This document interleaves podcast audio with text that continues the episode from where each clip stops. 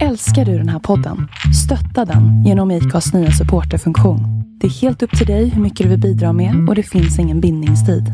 Klicka på länken i poddbeskrivningen för att visa din uppskattning och stötta podden.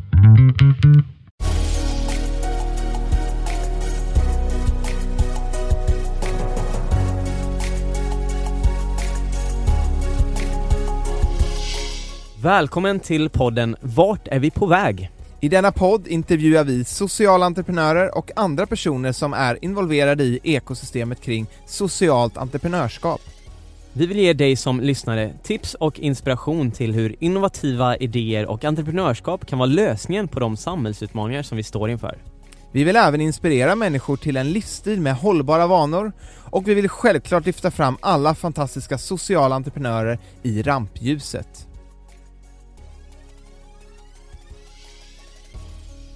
Varmt välkomna ska ni känna er till detta avsnitt av våran podd Vart är vi på väg?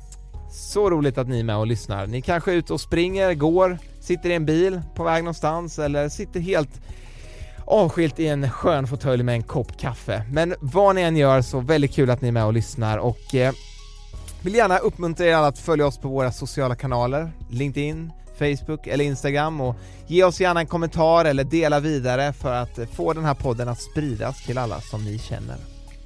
I detta avsnitt så har vi haft med oss eh, Love Marcus som är co-founder av Provement.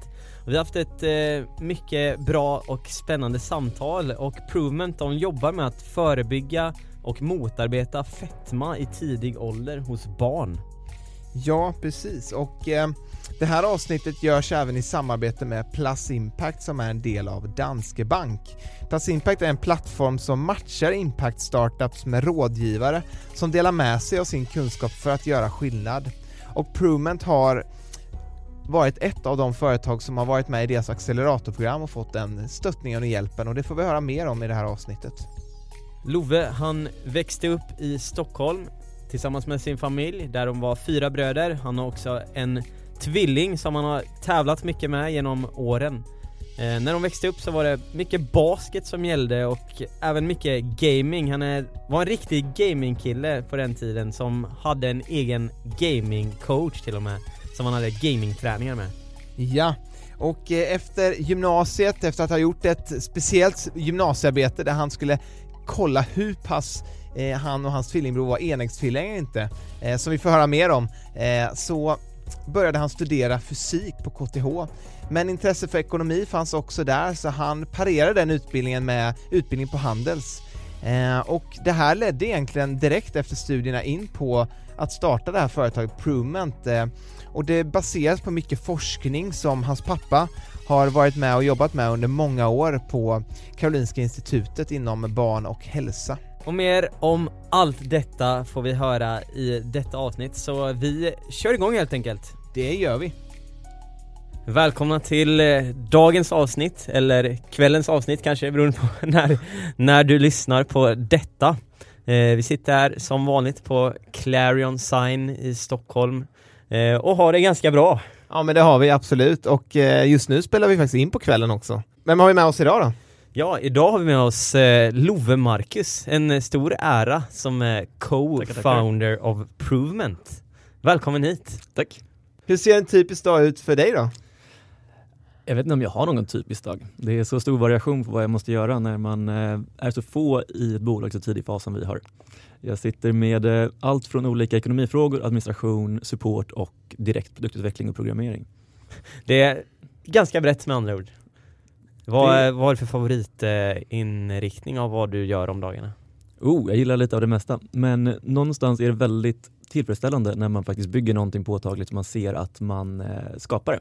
Så om man, framförallt om man ska göra en liten teknisk grej där man, märker, där man vet att det kommer påverka många på ett positivt, positivt sätt så är det väldigt kul att, eh, att skicka upp det. Ja men kul och passar det ändå bra att vara i ett så här tidigt skede i en startup att få eh, möjligheten att kunna sysselsätta sig med mycket Ja. olika saker. tycker att det passar perfekt för mig och eh, ser framförallt fram emot att kunna inrikta mig på någonting som jag senare känner att jag passar bäst på. Berätta lite kort här, vi ska komma in på det mer senare som sagt, men vad ni gör med Provement och vad din roll är där. Så Provement är en kommunikationstjänst kan man säga som ligger mellan kliniker som jobbar med barnfetma och familjerna. Så eh, familjerna kommer dit och eh, signas upp, eh, får ett inlogg till en app, de får en våg och i vissa fall ett aktivitetsarmband. De samlar in data med de här enheterna och får någon form av feedback så att de kan hantera sin egen hälsa själva hemma. Och så sammanställer vi rapporter till kliniken så att de vet vilken familj de ska prata med när för maximal nytta så att eh, de kan vara där i de avgörande stunderna för sina patienter. Coolt. Ja, Eh. verkligen. Är det speciella kliniker då? Ja, nu är det speciella specialistkliniker som arbetar med barnfetma. Finns det över hela landet eller bara här i Stockholm? Det finns i princip över hela landet, Okej. men eh, det är varierande. Mm. Ja, men spännande ska vi få höra mer om. Om vi zoomar in lite och eh, ser till Love Marcus som är här framför oss. Eh, vart är du uppväxt? Jag är uppväxt här inne i innerstan i Stockholm. Hur har det varit att liksom växa upp mitt inne i, i storstan och i centrum? Jag tycker att det har varit väldigt, väldigt bra och har alltid förespråkat att man ska växa upp inne i stan. Men eh, jag vet att det är många som har andra åsikter. Vad, vad är det bästa med att växa upp inne i stan? Det är närheten till allt. Närheten till vänner, eh, närheten till eh, allting man ska göra. Det är inga långa transporter. Mm. Hur har det varit att inte ha kanske skog och natur i närheten? Det är ju på vardagarna jag inte haft det, men eh, samtidigt så har jag, ju, eh, har jag gått på Ängelbergsskolan, när jag gick i grundskolan, som ligger precis vid, eh, vid Liljanskogen. Och på helgerna var vi nästan alltid ute med båten i skärgården. Så att du har ändå fått naturen som en del av din vardag liksom? Ja, alltså jag tror inte att någon riktig naturmänniska skulle säga att eh, räkna in mig i deras kategori. Men, för att vara en citybo så har du fått det? Ja, precis, precis Ja. för det var en asfaltsblomma. Ja, precis. Det är liksom inte bara asfaltslekplatser som du varit på liksom. Nej, precis. Och din familjesituation, hur ser den ut? Den eh, har alltid sett väldigt bra ut. Jag har eh, vuxit upp med en tvillingbror och två äldre bröder. Så det har varit mycket fight där hemma då eller? Inte så mycket fight, men väldigt mycket tävling. Vi Ja. tävlade i allt. Vi spelade väldigt mycket basket allihopa. Eh, och det var ju väldigt kul när man faktiskt kunde komma upp och tävla mot de större bröderna. Mm. Och eh, en del tv-spel och datorspel också. Mm. Du nämnde någonting innan om att eh, det här med dataspel tog du till en nivå längre bort, eller vad säger man, en nivå eh, högre kanske? Ja, jag var hyfsat ambitiös och det var en period när jag gick hem från skolan satt jag mig där och eh, spelade med en coach. Och vad, vem var den här coachen? Var det någon inhyrd eller någon du kompis typ? Eller? Det var, det var en kille jag träffade i en chatt. Han var amerikan, så när jag kom hem på eftermiddagen så måste hans dag just börjat. Men jag kan inte säga vad han gjorde mer än det. Men han satt där och lärde ut liksom och... Ja, vi satt där och nötte strategier och eh, timings. Vad var det för spel? Det var Starcraft Brood War. Och i skolan då, vad var det liksom i skolan som intresserade dig och var det roligt att gå i skolan? Jag tyckte att det mesta var roligt, men framförallt så har jag alltid varit intresserad av naturämnena. Eh, åtminstone på när jag var liten. När jag blev äldre så har jag intresserat mig mer för språk och verkligen, verkligen ångrat att jag inte jobbade hårdare på tyska lektionerna. Mm. Ja, vi, vi körde tyska ihop, också. Det var kanske inte den bästa pedagogiken, eller? Jag vet inte, vi ska inte gå in på det kanske. Nej, vi kanske inte ska hänga ut någon här. vi, vi kan nog säga så här, vi kan inte hålla den här konversationen på tyska. Nej, Nej, vi ska Även inte att vi försöka. läste tyska i fyra år. ja precis. Du sa att du spelar basket, var det något basketlag ni var med i eller var det mest på skoj? Ja, det var ett basketlag. Det var väldigt seriöst till och med. Eh, KFUM central här inne. Det här med liksom spela lagsport och sånt, har det varit kul tycker du? Det har ju både för och nackdelar. Eh, någonstans så tycker jag att det kan vara väldigt, väldigt svårt att spela själv. Eftersom, och jag tar en väldigt stor trygghet i att ha ett team att falla tillbaka till. Och Mm. eh, det är där jag presterar bäst tror jag. Mm, Men är du, känner du att du är en extrovert person eller mår du bra av att få vara mycket själv också? Jag skulle definitivt säga att det är en balansgång. Om, eh, om man är på för intensiva resor med vänner till exempel så kan jag verkligen, verkligen bli glad om jag kan få några timmar för mig själv ibland. Mm. Hur lyckas du hitta de stunderna och platserna nu i vardagen? I vardagen? Jag, jag läser en del och eh, det, är, det är en tid för reflektion. Så du känner att du eh, behöver komma undan och kunna ha tid, reflektera och sådär också? Definitivt, definitivt. Men det rör sig om en balansgång. Ja. Eh, Det är väldigt få saker som, eh, som jag upplever blir bra om man gör för mycket. Under uppväxten där, var det några speciella samhällsfrågor eller utmaningar som engagerade dig redan då? Det har varierat lite grann. Eh, Men någonstans har jag alltid varit intresserad, eller snarare känt en, ett stort behov av det här med personlig frihet och fritänkande och eh, någon form av rädsla för auktoritära samhällen. Tror du att du vet varför du har känt så? Jag har ju aldrig varit rädd för att uppleva det själv men eh, jag har ju en släkting som, eh, som gjorde det. Min, min farfar flydde från Tyskland innan andra världskriget. Så han cyklade från Hamburg till Stockholm och sen kom familjen efter. Wow, vilken, alltså vilken resa. Mm, verkligen. Verkligen. Det är bara synd, upp, uppfattar jag själv ibland när jag, var, när jag var liten så orkade jag inte alltid lyssna på allt han ville berätta. Och, och så. Men jag, det kan definitivt ha påverkat min syn på sådana här frågor. Mm. Men eh, din farmor, är, var hon också därifrån eller var det, träffades de här? Farmor är svensk. Mm. Så uh, det var min farfar som uh, cyklade i ungdomsåren och sen kom uh, den största delen av familjen efter och hans, hans far stannade kvar. Mm. Hans bror åkte till USA istället. Har du fått höra många stories från den här tiden?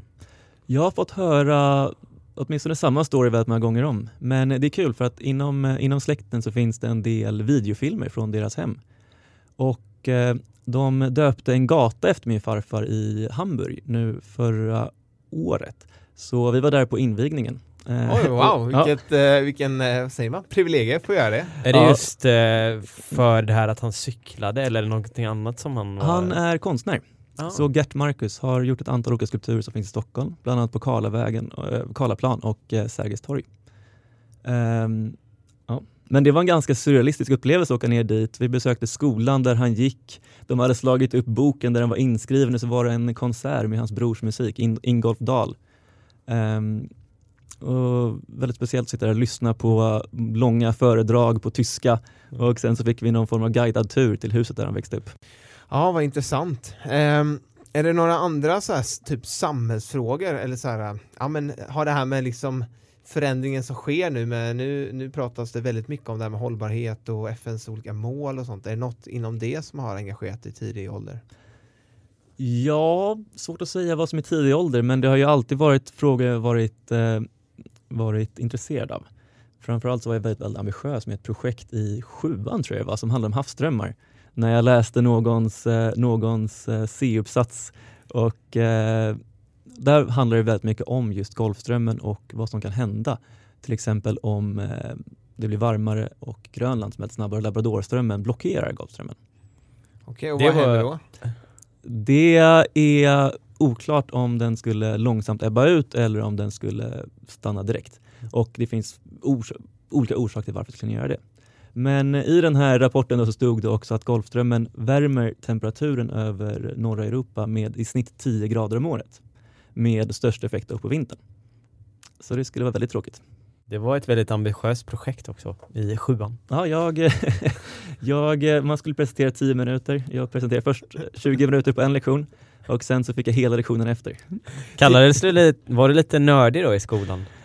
Ja, det kan man säga. Man, man får ju alltid såna här eh, eh, vad heter det, utmärkelser när man går ut gymnasiet. Ja, Jag blev ju klassens besserwisser. Ja, det var så. Skulle ha, ha, skulle ha rätt hela tiden eller? Ja, alltså jag, jag säger att det inte finns någon sanning alls i det där, men eh, det, Enligt andra finns det sanning i det. enligt andra så kanske det är så. Men du gjorde ju något spännande test också på gymnasiet. Mm, mitt eh, 100 poängsarbete eller vad det heter, projektarbete, det var jag och min tvillingbror som jämförde våra, vårt DNA. Så vi åkte ut till Karolinska institutet, eh, tog blodprover och eh, jämförde DNA-sekvenser genom en sån här gel som man använder. Um, och ja, Vi kom fram till att vi eh, var väldigt distinkt olika, men eh, när jag tänker efter i efterhand framförallt så eh, kommer man ju fram till att om man kontaminerar proverna så kommer man ju faktiskt få separata resultat. Mm så jag, man får ta det med en nypa salt. Jag tänker också på det här, din eh, pappa är ju forskare och varit det i många år. Har det liksom har det, har det format er också att vilja ta, ta efter och intressera sig för, för sådana delar? Ja, men intresset för sådana här frågor sprider sig definitivt liksom, inom familjen. Ehm, men kanske mest påtagligt från hans sida är ju en otrolig vilja att debattera och alltid ha åsikter om saker och ting. Så det är kanske där eh, Mr Besserwisser i gymnasiet kommer ifrån? Det finns en risk. Ja. Eller tvärtom, jag skyller allt på honom. Ja just det, men det är bra, jag har många drag från pappa med som jag brukar skylla på. Mm. Det, det, det, det är enklast så. Sen blir man pappa själv kanske, då är det någon annan som skyller på mig själv. På mig. Mm. Efter gymnasiet, vad var det du tog vidare då? Eh, Efter gymnasiet så läste jag först filosofi, matte och programmering på SR. Eh, och sen så bestämde jag mig för att det var matte jag ville fokusera mest på och då blev det vidare på fysik på KTH. Så det var lite testår där på SU innan. Lite testår, lite att jag ville göra någonting an annat liksom. Det var ändå fysiken som du fastnade där under din prova på-period. Ja precis, men det är någonting med den här stringensen och påtagligheten av matte som jag, som jag vill ägna mig åt. Du har ju även eh, läst eh, på Handels parallellt med det här. Mm, så efter att ha gått ett år på KTH så började jag på Handels också. Egentligen med inställningen att känna efter vad som var roligast och eh, vad jag ville fokusera på. Men jag kunde inte bestämma mig. Så då fortsatte jag med båda. Efter studierna, eh, vart tog det vidare då? Studierna tog inte slut. Det blev istället det här bolaget. Eh, jag gick ut eh, Handels och så började min master på KTH. Och efter ett år så började jag heltid med det här. Mm, och vad var det som gjorde att du gick in på det här med entreprenörskap då? En, eh, en önskan att göra påtaglig nytta. Eh, man, eh, jag, man ska gå till jobbet varje dag och att kunna motivera sig själv att göra det genom att se exempel på människor som man hjälper och situationer som man gör bättre är väldigt stor drivkraft för mig. Fetma är ett stort problem för eh, samhället och det bedöms kosta 2000 miljarder dollar per år enligt en studie som gjordes 2014 av McKinsey. Och det är just ett av eh, FNs hållbarhetsmål att eh, vi ska jobba för hälsa och välbefinnande och säkerställa hälsosamma liv och främja välbefinnande för alla i alla åldrar. Um, och det är ju något uh, som jag förstått att ni gör med Provement och jag har varit inne på er hemsida och uh, försökt förstå vad ni gör och det gör jag lite grann. Men jag skulle jättegärna vilja veta, så här, om du förklarar på ett enkelt sätt här, vad är det ni gör med Provement? Det korta svaret är att vi gör ekonomiskt möjligt att ge bra och effektiv barnfetmabehandling det korta svaret och nu förstår jag jättebra. Och vad är, vad är det långa svaret om du skulle gå in eh, lite mer i detalj på hur Provement fungerar och vad ni erbjuder för tjänst och vem som är kunden? Ett längre svar är att vi är en kommunikationsplattform som ligger mellan kliniker som jobbar med barnfetma och familjer. Familjerna kommer dit, de får ett inlogg till en app, en våg och i vissa fall ett aktivitetsarmband. Så det vi gör då är att vi samlar in objektiv data i hemmet som eh, vi analyserar för att ge familjen någon form av känsla för hur det går för dem. Och eh, framförallt så gör vi rapporter till kliniken så kliniken vet vilken familj, vilken patient de ska fokusera på när. Så att de kan lägga sin tid där den skapar nytta och vara där i de avgörande stunderna för sina patienters framgång. Men varför är det just eh, barn som ni har valt att fokusera på här inledningsvis? Det är en, en grupp där man kan göra väldigt stor nytta. Um, det finns väldigt mycket större negativa effekter av fetma om man har det i barndomen än om man utvecklar som vuxen. Och dessutom så kan man ha större chans att eh, bevara en, eh, en livsstilsförändring och en viktnedgång om man lyckas göra det i ung ålder. Så det är både framförallt förebyggande och att det faktiskt kan ha väldigt stor påverkan på vår, eh, vår kropp och vår hälsa verkligen i, och sätta spår för resten av livet. Ja, det är förebyggande för sekundära sjukdomar som kommer från fetma. Mm. Men fetma i sig anses vara en sjukdom också. Mm. Jag tänker på det här, det är väl också ett sätt att få, jag tänker om man är första barnsförälder och sådär, att man kanske inte riktigt vet hur man ska hålla sitt barn i, i bra form om man säger. Och det blir väl ett sånt arbete också kan jag tänka mig, att liksom hjälpa till och, och få, forma en, en, bra, en bra uppväxt rent vad man stoppar i barnen och inte. Ja precis, det hjälper ju på alla, på alla olika fronter. Det handlar om att äta rätt, det handlar om att, eh, det handlar om att ha en livsstil som är hälsosam. Mm. Och de här aktivitetsarmbanden, är det någonting som ni har utvecklat själva eller är det något som ni köper in? Det är någonting som vi köper in. Hårdvaran vill vi inte lägga för mycket tid på utan vi är primärt mjukvaruutvecklare. Så eh, på vilket sätt har det här gjorts innan och hur gör ni på ett nytt sätt?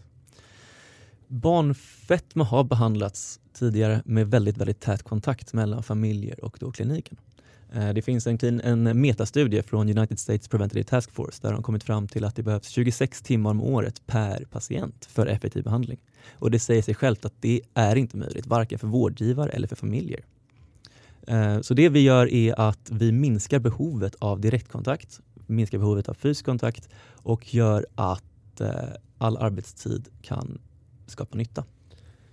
Hur kom ni in på den här idén och var kommer den ifrån? Så bakgrunden är egentligen från början att eh, min far var med i ett projekt där de skulle starta en, en barnfetmaklinik nere i Mellanöstern. och funderade på hur kan man göra det här bra och ekonomiskt möjligt. Och därifrån föddes någon form av idé. Kliniken blev aldrig av. Vi pratade om det hemma. Vi pratade om det någon gång återkommande över några år och eh, utvecklade konceptet vidare. Eh, och sen så bestämde vi oss för att satsa lite mer på det. Så det är en eh, familjegrej som ni har eh, kommit på tillsammans liksom, ni är alla medgrundare till det här bolaget? Ja, det kan man definitivt säga. Hur var det hemma kring eh, matbordet då? Var det att ni pratade ofta om det här? Vi eh, pratade inte ofta om det i början, men sen så blev det ju mer och ofta i lite för ambitiösa ordalag, kanske framförallt hur snabbt saker ska gå och hur lätt det ska vara att genomföra och, och allt sånt där.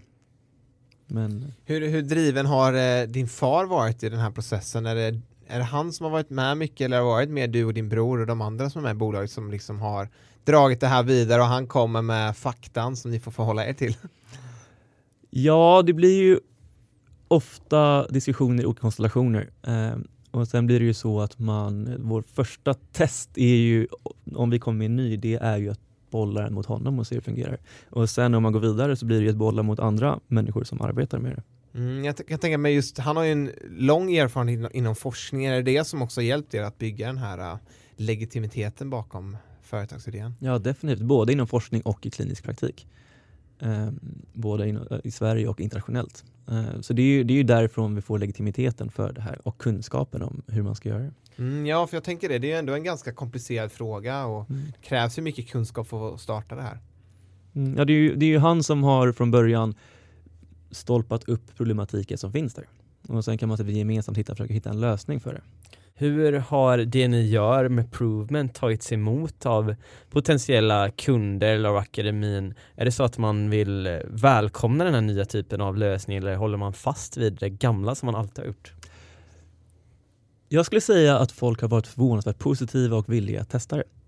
Eh, de som arbetar med det i praktiken känner ofta en frustration över att de inte riktigt räcker till och eh, når ut så som de vill göra. När vi kommer här med någonting som är bevisat effektivt så är de väldigt villiga att testa det. Och eh, våra resultat är otroligt goda och därför har det än så länge mottagits bra i akademiska miljöer också. Även om vi inte riktigt har publicerat allting än. Så det finns bra grunder att bygga vidare på nu framöver? Det gör det i högsta grad. Mm. Vad har liksom varit de största utmaningarna för er att bygga Provement? Alltså den största utmaningen handlar ju om betalningsmodeller.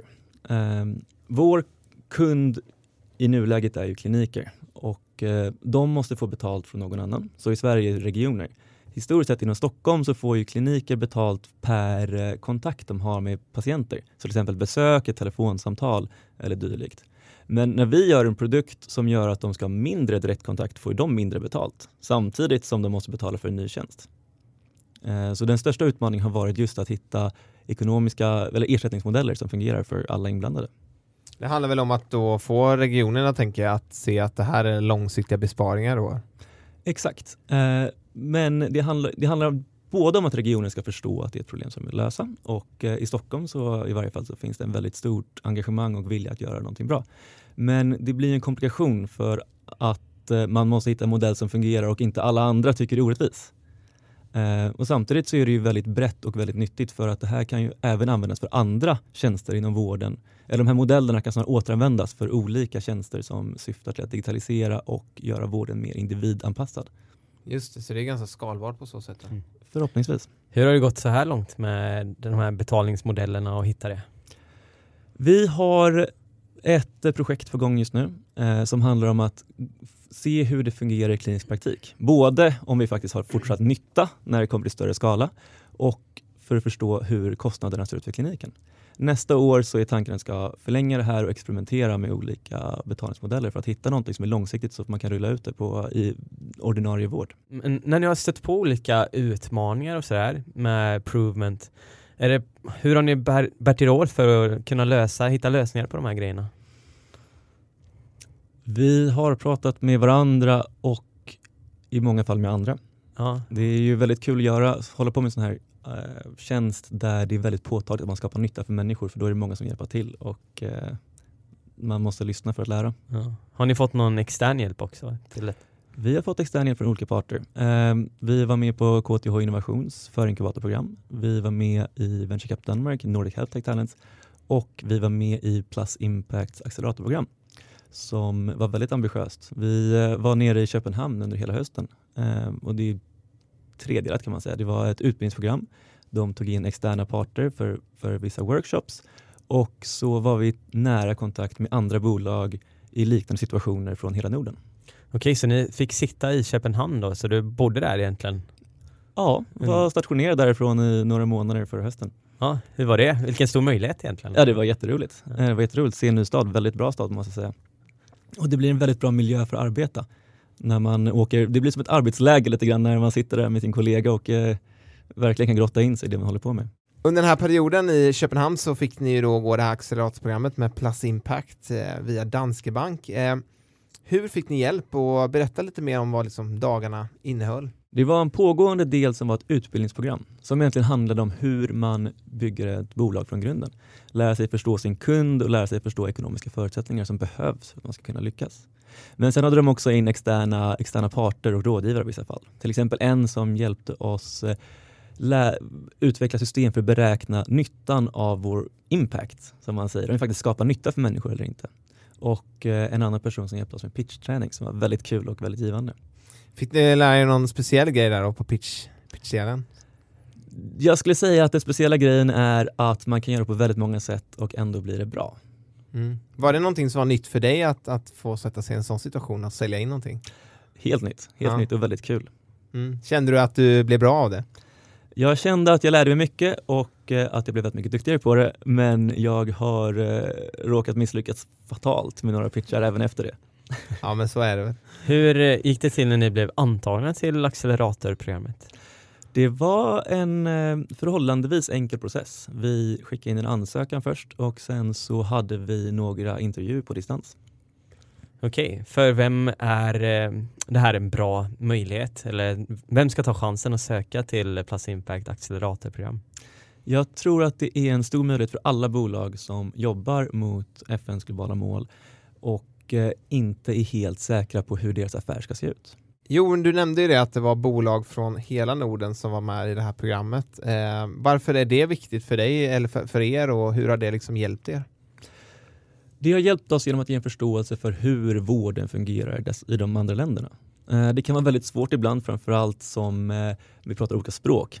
Så det är inte så lätt att bara läsa på om, eh, om de olika regionerna och olika modeller. Mm, vilket skede var ni när ni började det här programmet?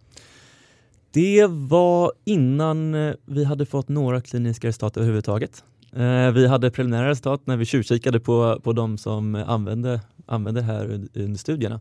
Men eh, det är först framåt december tror jag det var som vi faktiskt fick kliniska resultat som sa att vi gör någonting bra. Vad har det betytt för Provement och er utveckling att vara med i acceleratorprogrammet? Det har betytt väldigt mycket, framförallt för vår förståelse för att kunna expandera ut i de här marknaderna. Förutom det acceleratorprogrammet som eh, Plus Impact har, eh, på vilket annat sätt kan man få hjälp av Plus Impact? Ja, de har ju även den här, eh, den här plattformen, ska kalla den, där man kan lägga upp utmaningar. Så det har vi faktiskt gjort också eh, och bett om hjälp för någon ska titta på vårt pitchdeck. Så har de parat ihop oss med, med olika människor så eh, har man ett samtal med dem och försöker hitta en bättre lösning för en, en själv. Mm. Okej. Vad var det för typ av eh, företag eller person som ni fick hjälp med? Av? Det har varit privatpersoner eh, som har haft eh, erfarenhet från, eh, från de områden där vi Just det, så då är det som en plattform där man som entreprenör kan posta ett inlägg med någonting som man behöver hjälp med och sen är det privatpersoner som gör det här på sin fritid eller pro bono som hjälper, hjälper till helt enkelt. Ja, precis. Man registrerar sitt bolag och eh, sen så gör man en utmaning som man lägger upp och så hoppas man att någon svarar på det. Och det här är för företag som försöker eh, lösa någon av samhällsutmaningar eller FNs globala hållbarhetsmål eller så, som kan vara med på Plus Impact. Exakt, någon som håller på med några av de globala utvecklingsmålen. Mm.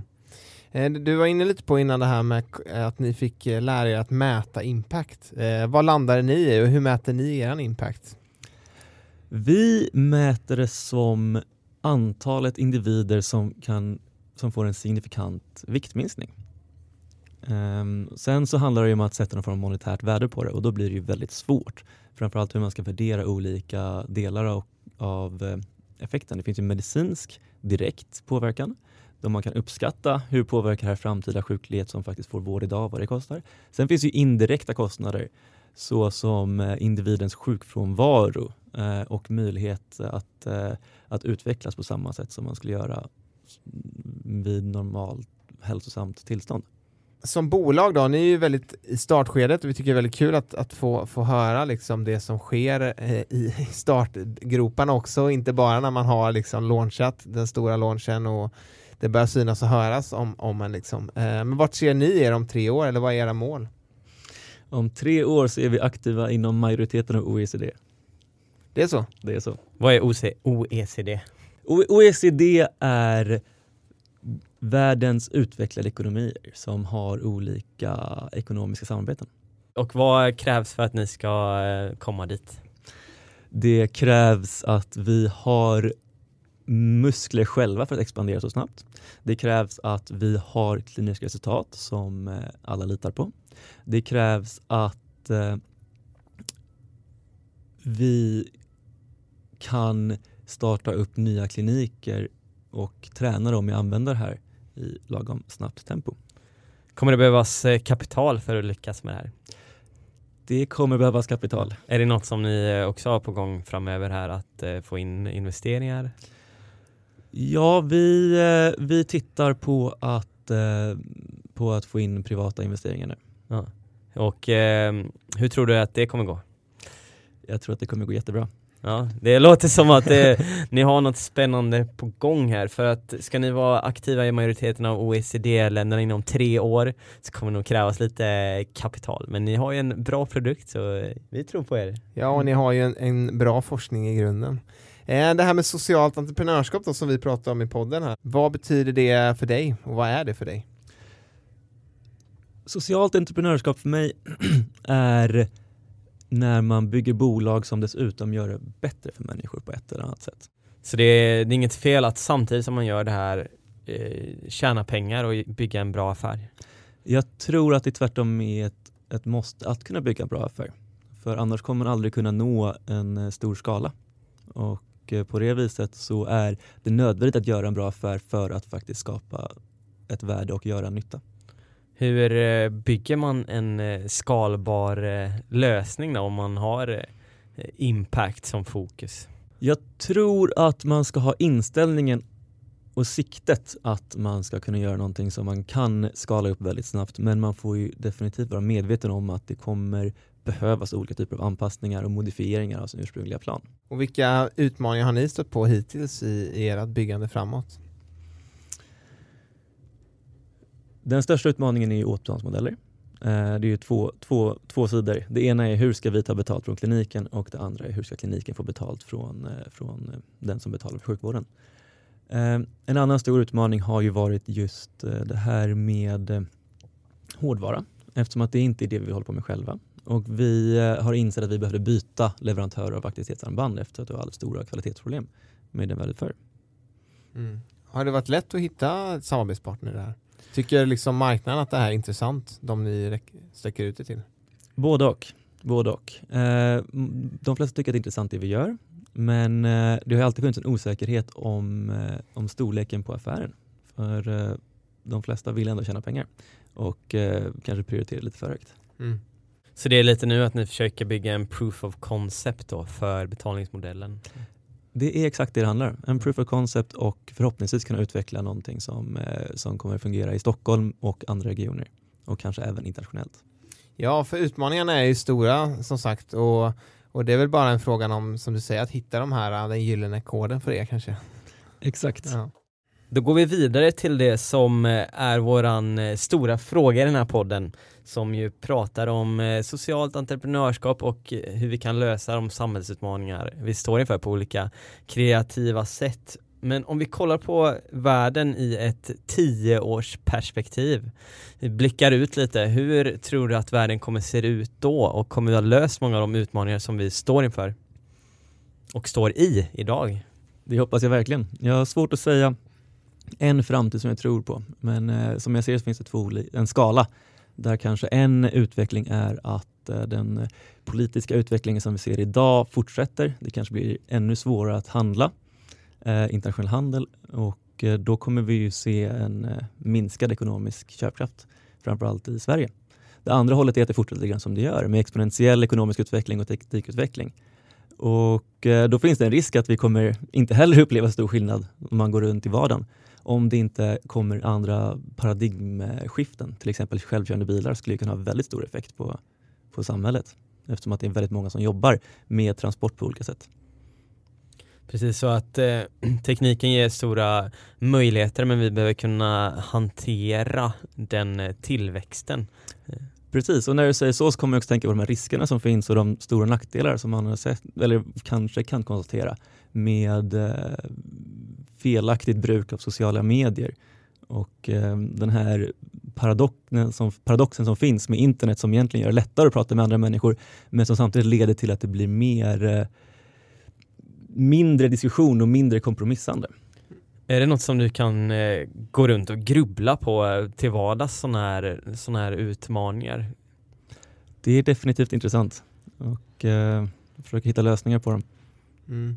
Men vad, vad, vad, tror du om det här, liksom det sociala, eh, den utvecklingen som sker nu, där du ser ju reklamer idag där det handlar om att eh, föräldrarna sitter och säger att ja, men du är inte social eller du träffar personen på riktigt istället. Så bara, men vadå på riktigt? Det här är ju på riktigt. Eh, vad ser du för utmaningar i det här att vi blir så digitaliserade? Att vi till slut slutar träffa varandra på riktigt? Det är klart att det finns risker åt det hållet men samtidigt så måste man ju förstå att sättet människor umgås med utvecklas. Och det är lätt att döma ut nya saker i onödan. Eh, det finns både risker och finns potential och man ska, inte, man ska inte blunda för potentialen bara för att man är rädd för riskerna. Det ni jobbar med är ju att eh, förebygga och eh, motarbeta fetma bland eh, barn, framförallt i dagsläget. Ehm, och vi ser ju också det här med ehm, att människor rör på sig mindre och mindre, mm. har mer stillasittande jobb. Är det något också som ni jobbar med att eh, liksom, ni löser ett problem med, med fetma just men för att man inte ska hamna i, i en sån situation? Är det något ni kikar på också hur man kan förebygga det? Ja, alltså vi tycker att fysisk aktivitet är otroligt intressant och det är ju tveklöst att det har väldigt stora positiva effekter för hälsan. Eh, så nu fokuserar vi på vårt problem och försöker göra det så bra som möjligt. Men vi funderar ju på framtida utökningar och framtida sätt vi kan skapa mer nytta och mer värde för mer människor.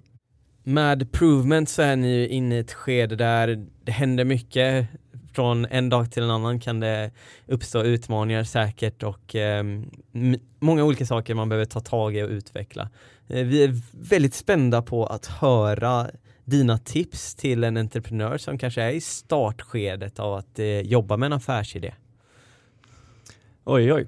Jag tror att det, det enda jag kan göra här är ju att eh, skicka vidare det jag fått lära mig från de olika program vi varit med i. Ja, men ta de liksom bästa lärdomarna du fått då. Och det jag verkligen, verkligen tror på är att prata med människor. Prata med potentiella kunder, prata med användare, försök förstå om det faktiskt är någonting som man är beredd eller är villig att använda.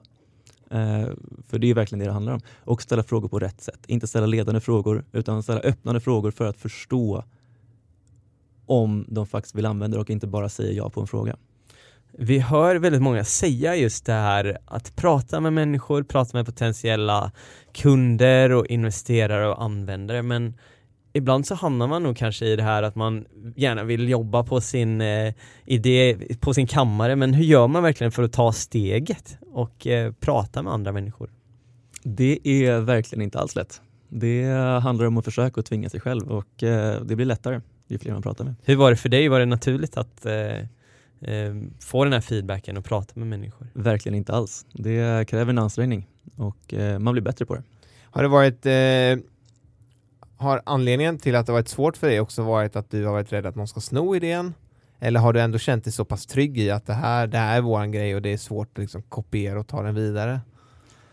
Jag har inte varit så rädd för det. Um, dels för att det inte är så lätt för någon annan att göra samma sak och dels för att de flesta människorna gör redan någonting. De flesta människorna har, har sitt eget projekt, sitt eget liv på gång och sina egna mål. Och det byter de inte bara över en kommentar från någon annan.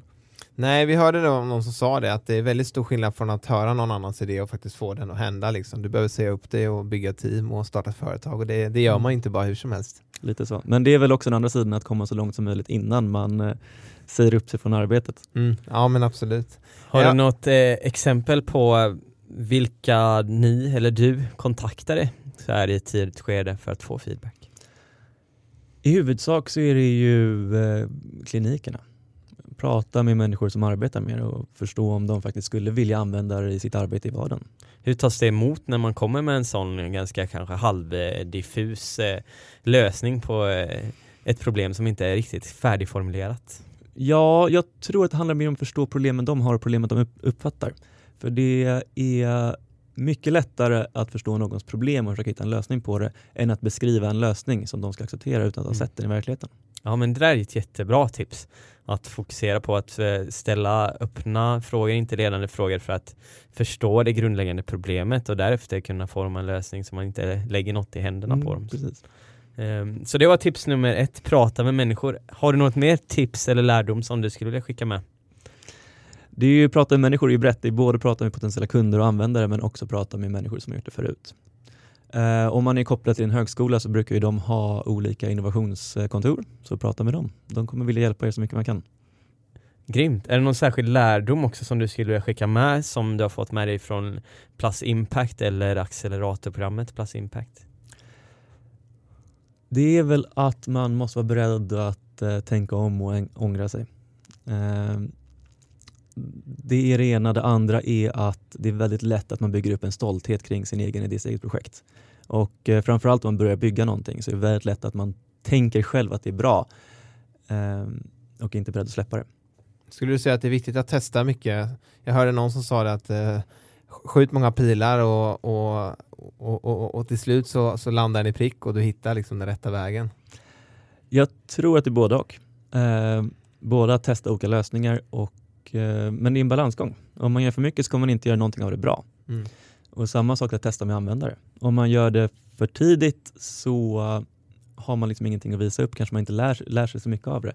Och eh, samtidigt så om man gör det för sent så kan man ha gått åt fel håll. Mm.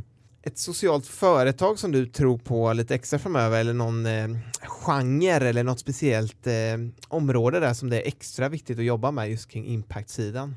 Och extra viktigt vet jag inte, men eh, det finns ju definitivt en bransch där jag tror att det finns stora möjligheter att göra saker. Och det är ju till exempel att när det kommer till att återanvända saker. Antingen för att föra saker vidare som man inte använder själv längre eller hyra ut dem. Eh, så gå vidare samma spår som Uber och låta privatpersoner hjälpa varandra eller snarare återanvända sina saker. Mm. Ja, vi har haft en, en del sådana här i podden som har varit med och pratat om det. Eh, och det är väldigt spännande. Bland annat hade vi Hygglo i början, eh, avsnitt två med Ola. Eh, det är väl de som har eh, kommit fram mest skulle jag säga idag. Verkligen.